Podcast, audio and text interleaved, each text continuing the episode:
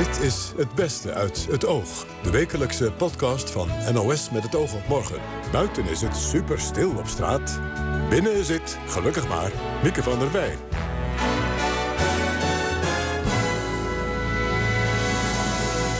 Ja, daar zijn we weer met onze keus uit de beste gesprekken uit Met het Oog op morgen van de afgelopen week. We gaan het hebben onder andere over deze wapenclub. I'm the National Rifle Association of America, and I'm freedom's safest place.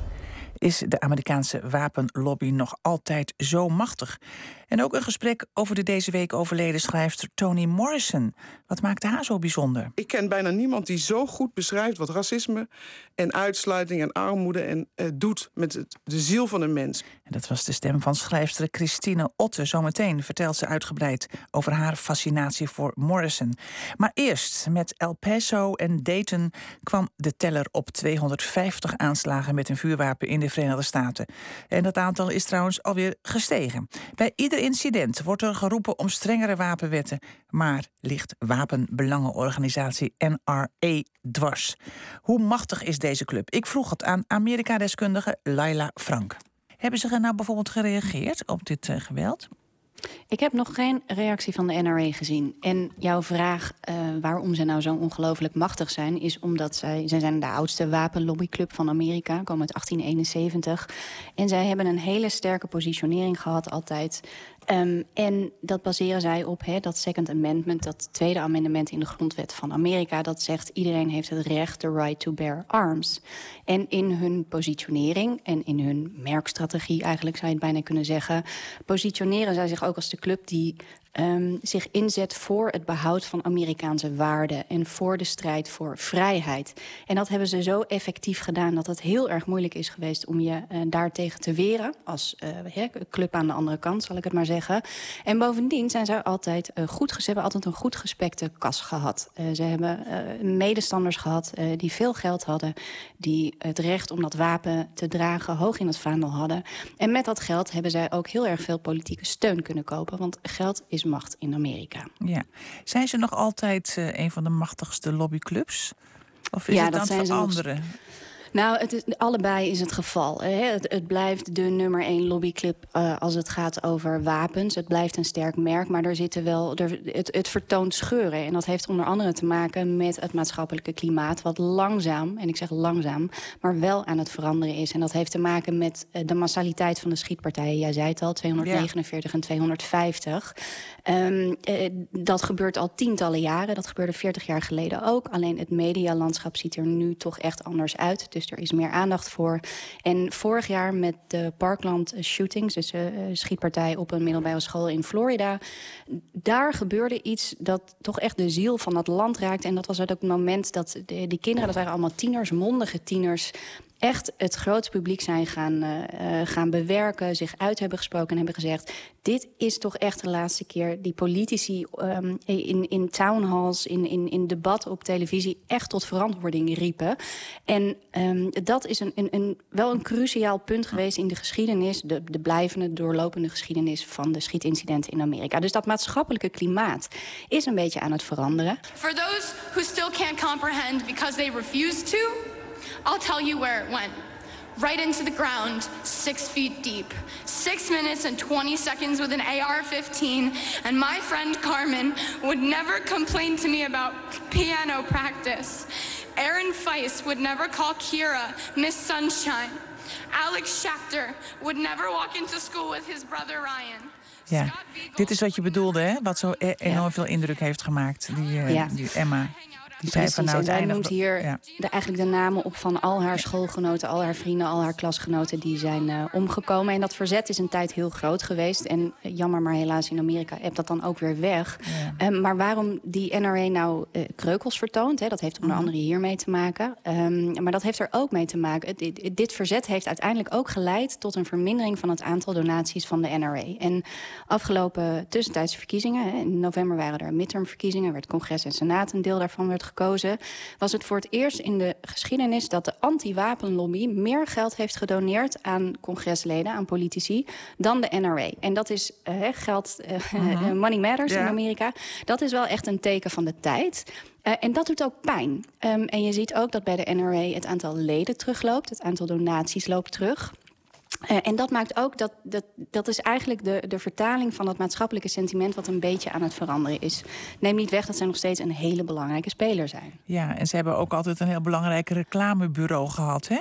Ja, en dat uh, reclamebureau, uh, dat is eigenlijk de, is een speel geworden in, uh, last but not least, de leiderschapscrisis binnen de NRA. En um, daar, moet ik een, daar heb je een beetje context voor nodig. -hmm. Maar waar het over gaat is dat de algemeen aanklager, de Attorney General in New York State, heeft vorig jaar aangekondigd: ik ga de financiële handel en wandel van de NRA eens bekijken. Want de NRA is een non-profit organisatie. En dat betekent dat ze geen belasting betalen. Maar dat betekent ook dat ze aan hele strikte regels moeten voldoen. Nou, dat vond de NRA niet leuk. Die zijn een interne audit begonnen. Dus die wilden eigenlijk de aanklager voor zijn.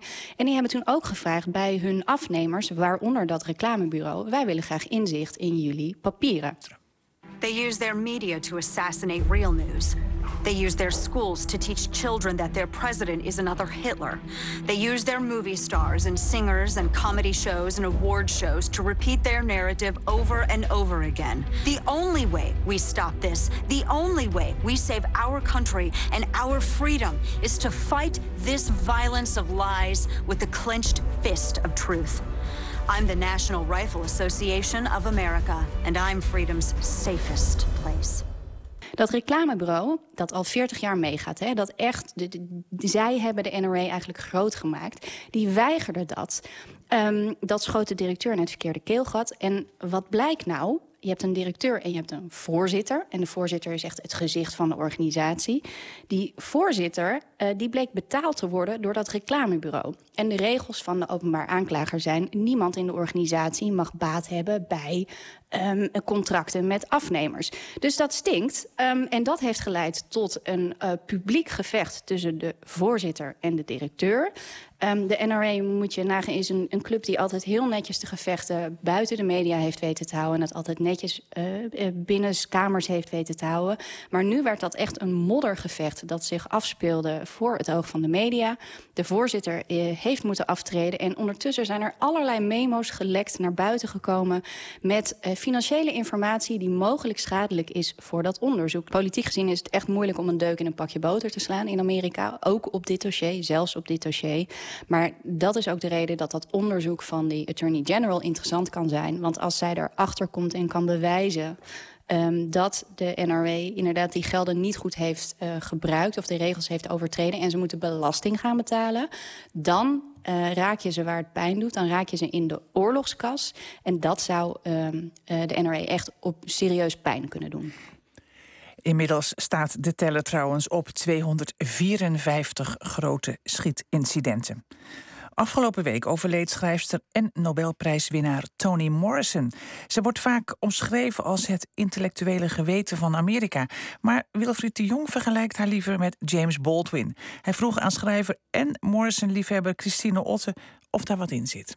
Ja, en, en zeker, zeker. Ja. Zeker die grootheid. En, en uh, enorm, uh, ja, iemand die de literatuur op een, op een hoger plan heeft gezet. Maar zij was, zij was eigenlijk zo, ja, net als Baldwin, zo uh, oorspronkelijk, zo. Uh, hoe zeg je dat? Ja, zij, zij, in de tijd, haar eerste boeken kwamen uit in, tijdens de burgerrechtenbeweging. Jaren 60. Jaren 60. Ja. En, en, uh, maar wat, ja, dat was een tijd natuurlijk, wat Iwa Black is Beautiful. Iedereen die, die, ja, de, de, die kwam, de, de zwarte kwamen voor zichzelf op.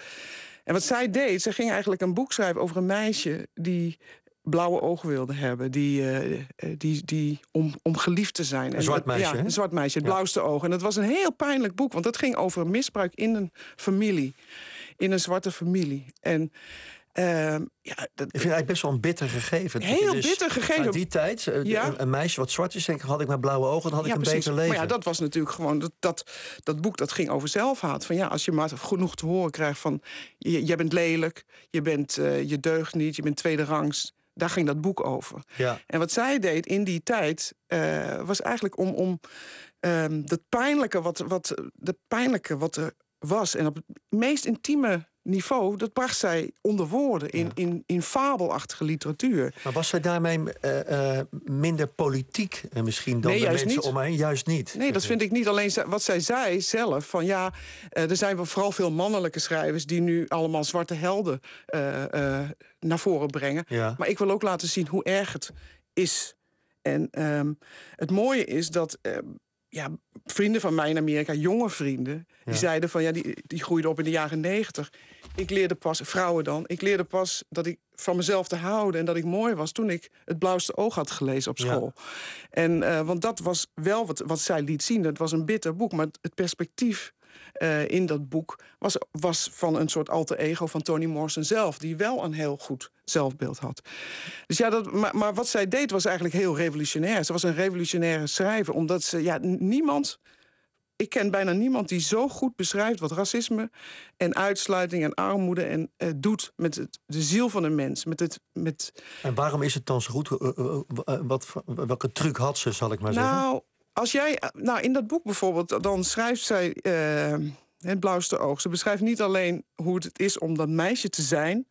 Ze beschrijft ook degene die ernaar kijkt, maar ze beschrijft ook de perspectief van die vader, die haar, zijn eigen kind gaat misbruiken. En Ja. die al ziet wat de pijn van dat kind, die dat roept bij die vader zo'n agressie op.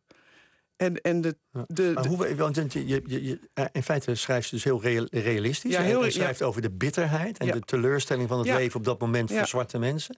Je zou denken, zouden de zwarte mensen dat dan in die tijd hebben, wel hebben willen lezen in de jaren zestig?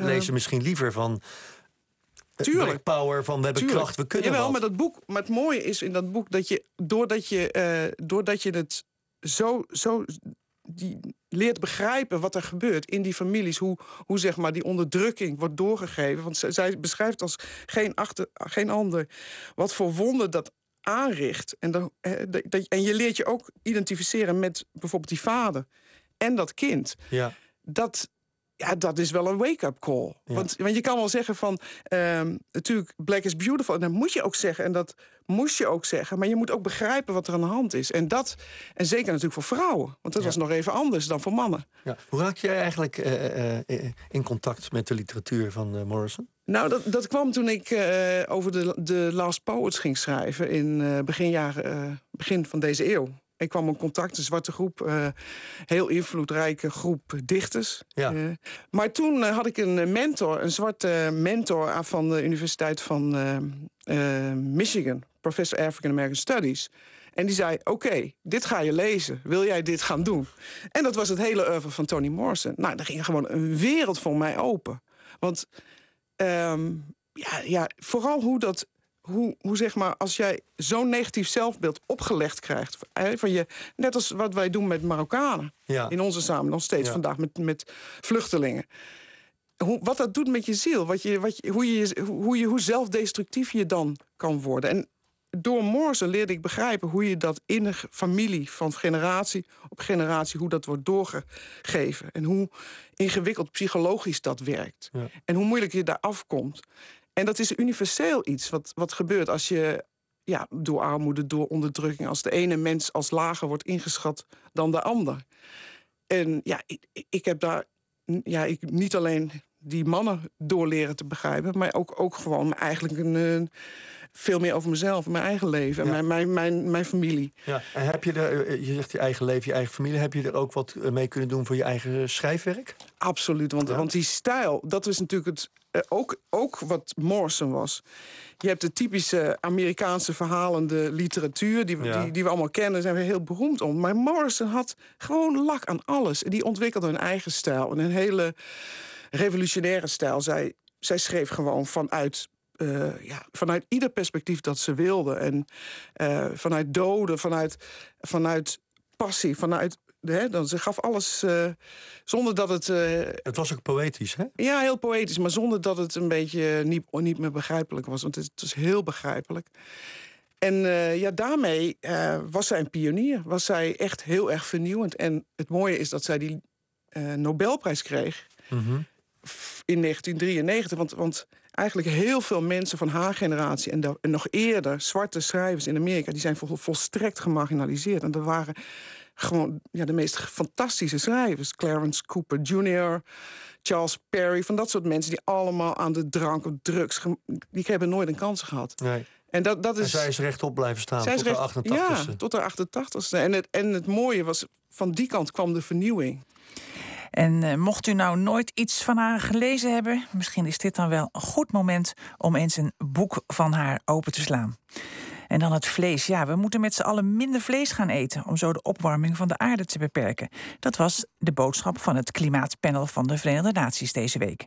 Het oog stelt deze hele zomer al de vraag of de mes in onze vleesconsumptie moet. Hoe denken de boeren daarover? Joost Vullings sprak met boer en voorzitter van de vakgroep Vleesveehouderij bij LTO, Wouter Hartendorf heet hij, en vroeg hem of hij het beeld herkent dat vlees op zijn retour is. Nou ja, ik hoor het natuurlijk zeggen. Maar, maar we zijn het er niet mee eens. Want mensen denken altijd aan vlees en dan roepen ze meteen milieu en uh, het is zielig en dergelijke. Maar er is veel meer dan, dan, het, dan dat het vlees is. Je moet het als een, uh, als een product zien. Of als, het dier is een, een vierkant vermarkting. Hè? We hebben heel veel bijproducten ook die van dieren afkomstig zijn. Dus ook noem lijm, hè? een riem die je om hebt. Uh, wordt in medicijnen gebruikt. Nou, van alles. En uh, ze ruimen restproducten op, weer, wat weer van mensen afkomstig is. En ze kunnen van gras iets maken wat mensen dan uiteindelijk weer kunnen eten. Dus het past heel goed in de kringloop en in de circulaire economie. Ja, maar soms krijg ik het idee dat, dat, dat vlees eten, vlees is een soort, soort nieuwe roken. Het nieuwe roken? Ja. Nou ja, uh, vlees is heel gezond, staat in de schijf van vijf. Uh, groente alleen maar groente eten. Uh, ja, groente groeit niet zonder mest. Dus je hebt toch ook weer mest nodig. Dus heb je toch ook weer een dier nodig. Vroeger had je ook een, een kip, een varken en een koe. En nu heb je de supermarkt. En de mensen gaan naar de supermarkt. En die weten niet meer wat, het, wat de oorsprong is. Dus die denken, nou, we hebben die koeien helemaal niet nodig. Want we gaan gewoon naar de supermarkt. En melk wordt in de fabriek gemaakt. Het is heel zielig, maar uh, wij wonen dan in Zandpoort. Midden in, in de bebouwing. En die opmerkingen die horen, horen wij heel veel. Wij verkopen onze eigen uh, vleespakketten bij ons thuis. En dat is hartstikke leuk. Maar dan hoor je ook waarom mensen bijvoorbeeld vegetariër zijn geworden of veganistisch.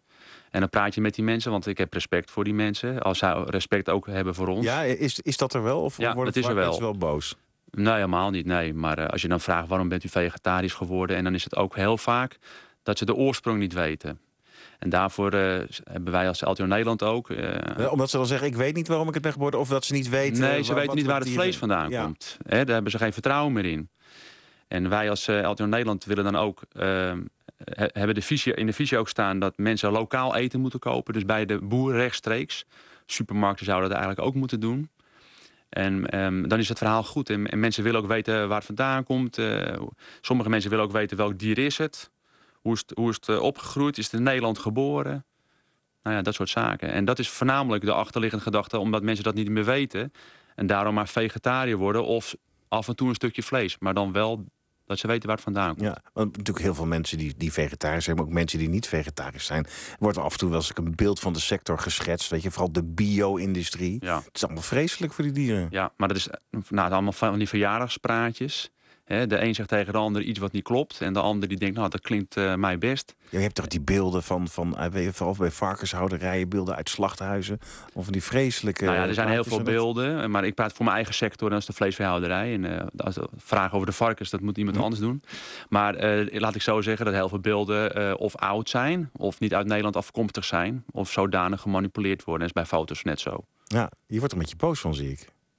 Uh, nee, nee, nee, maar nee, nee, nee, nee, ik, nee, ik word niet. Uh, ik dat mag hoor. Nee, nee, nee, nee. boos worden mag altijd. Nee, maar er, er, worden heel veel beelden de wereld ingebracht en verhalen die niet kloppen. Hè?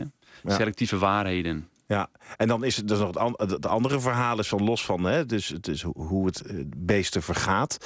Uh, ze zeggen hun eigen leven is het ook van ja, maar het, het, het kost het klimaat zoveel. Dan gaat, moet ze zeggen, zoveel voedsel in om één kilo vlees te, te produceren. Dat is. Nou, dat valt op zich wel mee. Zonde. Maar je hebt de footprint, hè, dus uh, hoe het uh, berekend wordt. En in die berekeningen worden heel veel dingen niet meegenomen qua dierwelzijn, maar ook om die vierkante vermarkting, wat ik net zei. Hè? En het omzetten van plantaardige producten in, in eiwitten die mensen kunnen benutten. En dat wordt allemaal niet meegerekend. Dus die berekening is, is niet goed in mijn ogen. Plus wereldwijd is vleesvee qua percentage ongeveer 14% van de footprint. Dus dat, dat is eigenlijk wereldwijd niet zoveel. En er is Nederland nog een stuk beter in. Dus er ligt de footprint nog een stuk lager. Dus wij doen het eigenlijk hartstikke goed. Maar het kan nog wel beter. Het kan altijd beter. Maar kijk, uh, als je uh, van die exotische vruchten wil eten... Hè, die verbruiken nog veel meer water... en die zorgen voor een hoop ellende en ontbossing en zo. Maar daar hoor je niemand over. Maar ook, ook die dingen hebben mest nodig, anders groeien ze niet. Ja, en, en, waar komt die mes vandaan? Die komt weer van, uit de koeienkont, ja, onder andere. Ja, nee, precies. Uh, uh, zie, je het, zie je het voor je, een vleesloze toekomst? Mensen die dat echt als ideaal hebben? Nee, echt niet. Nou, dat ze het ideaal hebben, prima. Kijk, ik spreek ook mensen die willen niet dat je een hond en een kat hebt. Ja. Dus hoe, eh, ja, en, en dat is goed. We moeten divers blijven denken. En we vinden allemaal wat, maar laten elkaar in, vooral in, in, in, in de waarde. Ja, en, en, kijk, onze sector, de vleesveehouderij, dat zijn ook de, de kalveren bij de koeien. Die in natuurgebieden lopen, waar mensen in het weekend lekker fietsen. Die dat leuk vinden. Zo'n kalfje die bij de moeder zit te titten. Nou, dat is prachtig. En dat zijn wij. Ja. En, en dat wordt wel eens vergeten. Of mensen hebben er geen beeld van en denken aan stallen en koeien die niet buiten komen en noem het maar op. Nou, wij onderhouden die landschappen. En kijk, gras heb je ook nodig. Er zijn ook mensen waar, waarvoor moeten die boeren altijd weiland hebben. He, maar weiland legt ook koolstofdioxide vast. Dus het is veel meer dan alleen vlees als je naar een koe kijkt. De mensen denken alleen in vlees, maar ik denk veel breder. En dat moeten alle mensen doen. En dat, dat, dat moeten wij ook de mensen leren. Ja, en daarvoor is lokale verkoop dus belangrijk. Want dan krijg je de kans om met de consument te praten en dingen uit te leggen. En zo heb ik dus best wel veel vegetariërs en ook een enkele veganist. Die dan af en toe toch bij mij een pakket komen halen. Uh, ook voor gezondheids... Uh, gewoon als, om, die hebben die eiwitten dan. Uh, ja, die krijgen op uh, advies van de, de, arts dan toch uh, het advies om toch maar wat vlees te gaan eten. Geen vleesloze toekomst dus voor deze Wouter Hartendorf. Maar misschien wel een onsje minder. Ik sprak deze week met parasitoloog Lisette van Lieshout over de toename van malariagevallen in Burundi.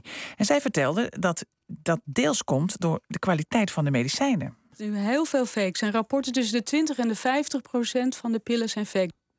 Ja, hoe lucratief is die handel in nepmedicijnen? Vroegen wij ons af na dat gesprek. Kon Verbraak klopte aan bij Merit Boersma van de Vereniging Innovatieve Geneesmiddelen. En dat is de brancheorganisatie van geneesmiddelenfabrikanten. Ja, dat is een hele lucratieve business, dat klopt. Um, wat je ziet is dat deze pillen zijn um, relatief makkelijk na te maken.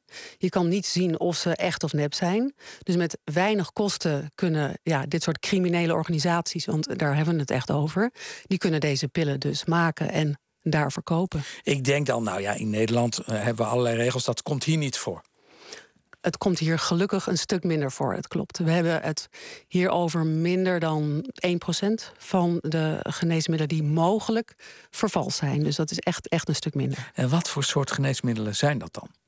Um, hier in Nederland moet je denken aan. Um, Sorry, um, dat zijn middelen, de zogenaamde schaamtemiddelen. Dat zijn middelen tegen erectiestoornissen, um, obesitas, kaalheidsmiddelen, dat soort middelen. En die dus worden heel veel online besteld. En dat is ook meteen het grote. Bij onduidelijke websites. Precies. Of bij hele duidelijke websites. Want dat is ook, je kan niet zien, net als met dat je niet ziet of die pillen echt zijn, kan je ook heel slecht zien of um, zo'n online aanbieder wel of niet oké is. Ja. Dus um, je hebt, je, wat je in Nederland dat we eigenlijk zeggen van nou doe het niet. Hè. Bestel je pillen gewoon niet online. Ga gewoon naar je huisarts, naar je apotheek. En zorg dat je daar je geneesmiddelen uh, ja, vraagt of krijgt. Want dan weet je zeker, of vrijwel zeker in Nederland, dat het gewoon veilige pillen zijn. Hoe kom je er eigenlijk achter als consument of je nepmedicijn hebt gekregen? Um, dat is heel moeilijk, je ziet het niet. Wat je in eerste instantie, wat ik net zei, uh, ga gewoon naar je huisarts. Want wat wij in Nederland hebben, dat is een heel fantastisch systeem. Dat is dat um, sinds kort van het begin dit jaar hebben wij in Europa um, dat alle farmaceutische bedrijven die moeten een code en een verzegeling aanbrengen op de geneesmiddelen die ze je verstrekken. Waardoor je zeker weet dat als jij naar de apotheek gaat en een geneesmiddel haalt, dat dat geneesmiddel gewoon oké is. Dus dat is prachtig. Als je nou toch besluit om um, via een online uh, aanbieder je pillen te bestellen, omdat je het misschien wat ingewikkeld vindt om naar een huisarts te gaan voor je geneesmiddel dan kan je nog wel een check doen. Er staat een logo op zo'n op zo'n site. En dan kan je daarop checken. En dan moet je daarop klikken. En dan weet je of die site wel of niet oké is. Dus dat kan. Als je die, die pillen eenmaal hebt en je weet het niet helemaal zeker. dan zou je toch echt naar je apotheek moeten gaan. om te kijken van check even of dit wel of niet klopt. Ja, maar, maar ik, als het al, alleen maar nepmedicijnen zijn, dan, dan trapt niemand er natuurlijk op, op langere termijn in. Nee. En dus dat er zit wel een werkzame stof vaak ja, in. Het is het slimme wat uh, deze ja, criminele organisaties doen. Want die zijn natuurlijk ook niet gek. En die weten dat je wel wat van die werkzame stof in zo'n pil moet stoppen. Want dan merkt iemand die zo'n pil gebruikt... die denkt, hé, hey, dit middel doet wel wat. Wat het gevaarlijke is, dat je niet weet of um, er te veel of te weinig van de werkzame stof in zit. Dus je weet nooit echt of wat jij krijgt, of dat oké is. En um, misschien is dat niet zo heel erg als je een haargroeimiddel uh, op je hoofd smeert. Maar het is natuurlijk wel erg, en dat gebeurt ook als dit middelen zijn tegen malaria bijvoorbeeld. Of zelfs tegen kanker. Want dat is ook voorgekomen dat een, een consument, hè, een patiënt, gewoon een pil nam, uh, dacht te krijgen tegen kanker. Waar geen werkzame stof in zat. Maar, dus, maar, maar je kan niet, uh, dat zijn toch geen mensen, dat, dat toch niet online middelen tegen kanker? Nee, dat, doe, dat bestel je niet online, dat klopt. over het algemeen niet. En al helemaal niet in Nederland natuurlijk. Nee. Maar het, het komt wel voor. Ook hier um, hebben we um, eerder um, uh, deze, dit jaar, sinds die Falsified Medicine Directive er is, hè, de, die code die we nu hebben, toch ook een vervalst kankermedicijn ontdekt via de groothandel. Dus het kan. Een vervalst wel. kankermedicijn. Ja. Hoe zat dat in elkaar? Ja, dat, is, um, dat kan op honderd manieren um, gebeuren. Dat werd verstrekt ook aan patiënten? Nee, in dit geval, dit middel is niet verstrekt aan patiënten. Hoe kwamen ze dan achter dat het niet Omdat er hier een code op zat die niet klopte. Ja, ja. En dat is dus het fantastische van, dit nieuwe, van, de, van deze nieuwe regelgeving in Europa. Dat de groothandel, die scande dit middel en die kregen een valsmelding. Die wist dus inderdaad dat dit middel niet goed is. Stel nou dat je zo'n nepmiddel inneemt. Hè? Wat kan er dan gebeuren?